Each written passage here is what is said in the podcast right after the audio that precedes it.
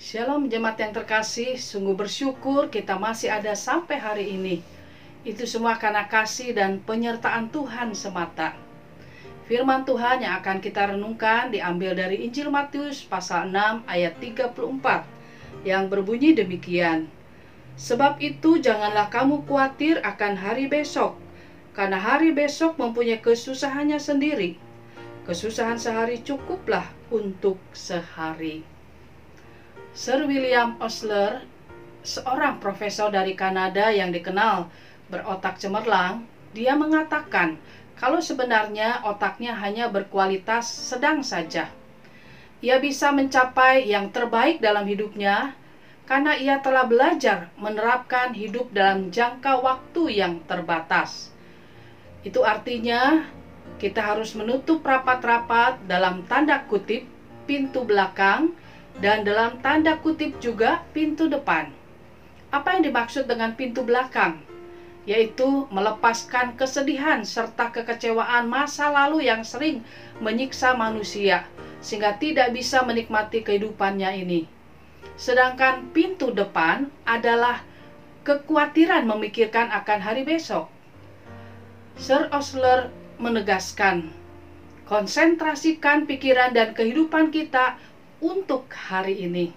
Dan cara terbaik untuk menyiapkan hari esok adalah melakukan apa yang seharusnya kita kerjakan hari ini sebaik-baiknya tanpa disertai kekhawatiran akan hari esok. Kepada mahasiswa yang diajarnya, ia mengatakan bahwa mereka harus memulai hari mereka seperti doa yang diajarkan oleh Tuhan Yesus. Berikanlah kami pada hari ini makanan kami yang secukupnya dari Matius pasal 6 ayat yang ke-11.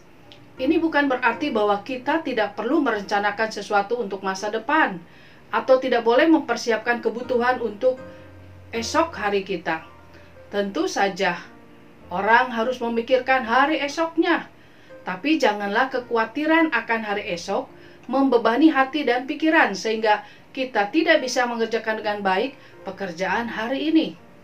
Bukankah beban hari ini jika ditambah dengan beban hari esok akan lebih memberatkan kita? Dengan melalui hari ini tanpa gangguan kekhawatiran akan hari esok, kita bisa bekerja dengan maksimal hari ini dan melakukan semuanya dengan baik sehingga kita dapat mempersiapkan hari esok dengan lebih baik lagi.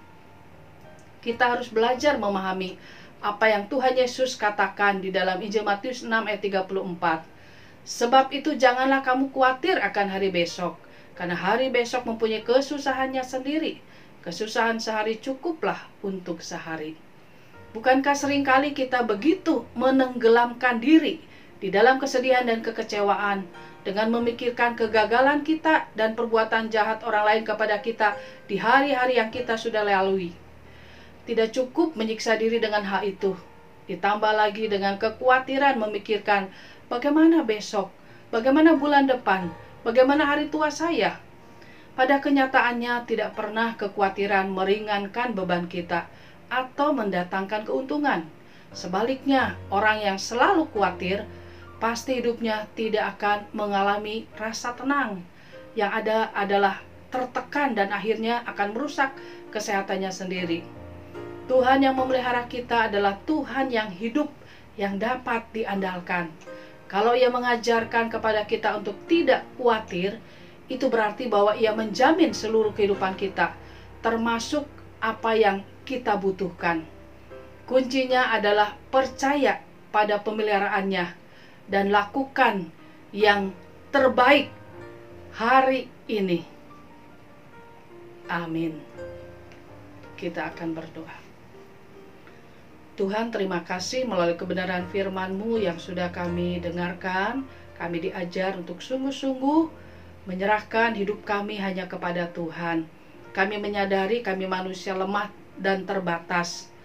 Ajar kami Tuhan sungguh-sungguh tidak mengingat masa lalu yang mendatangkan kesedihan, kekecewaan, ataupun ada orang-orang yang pernah melukai kami. Tapi ajar kami boleh melepaskan pengampunan, dan ajar kami Tuhan boleh menyerahkan kehidupan kami hari ini di dalam anugerah dan penyertaan Tuhan. Tuntunlah Peganglah tangan kami, ya Tuhan, supaya kami boleh berjalan sesuai dengan apa yang menjadi kehendak Tuhan. Dan ajar kami boleh menyerahkan masa depan kami, hari esok kami hanya kepada Tuhan. Karena kami tidak tahu apa yang akan terjadi atas kehidupan kami di hari-hari mendatang. Biarlah kekhawatiran kami kami serahkan kepada Tuhan.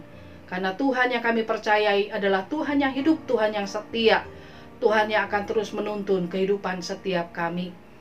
Berikan kepada kami anugerah kekuatanmu sehingga kami boleh menjalani hari ini, mengerjakan tugas kami hari ini dengan anugerah dan kekuatanmu dan pertolonganmu. Terima kasih Tuhan. Kami berdoa bersyukur hanya di dalam nama Tuhan Yesus Juru Selamat kami yang hidup yang selalu menguatkan kami. Kami berdoa. Amin.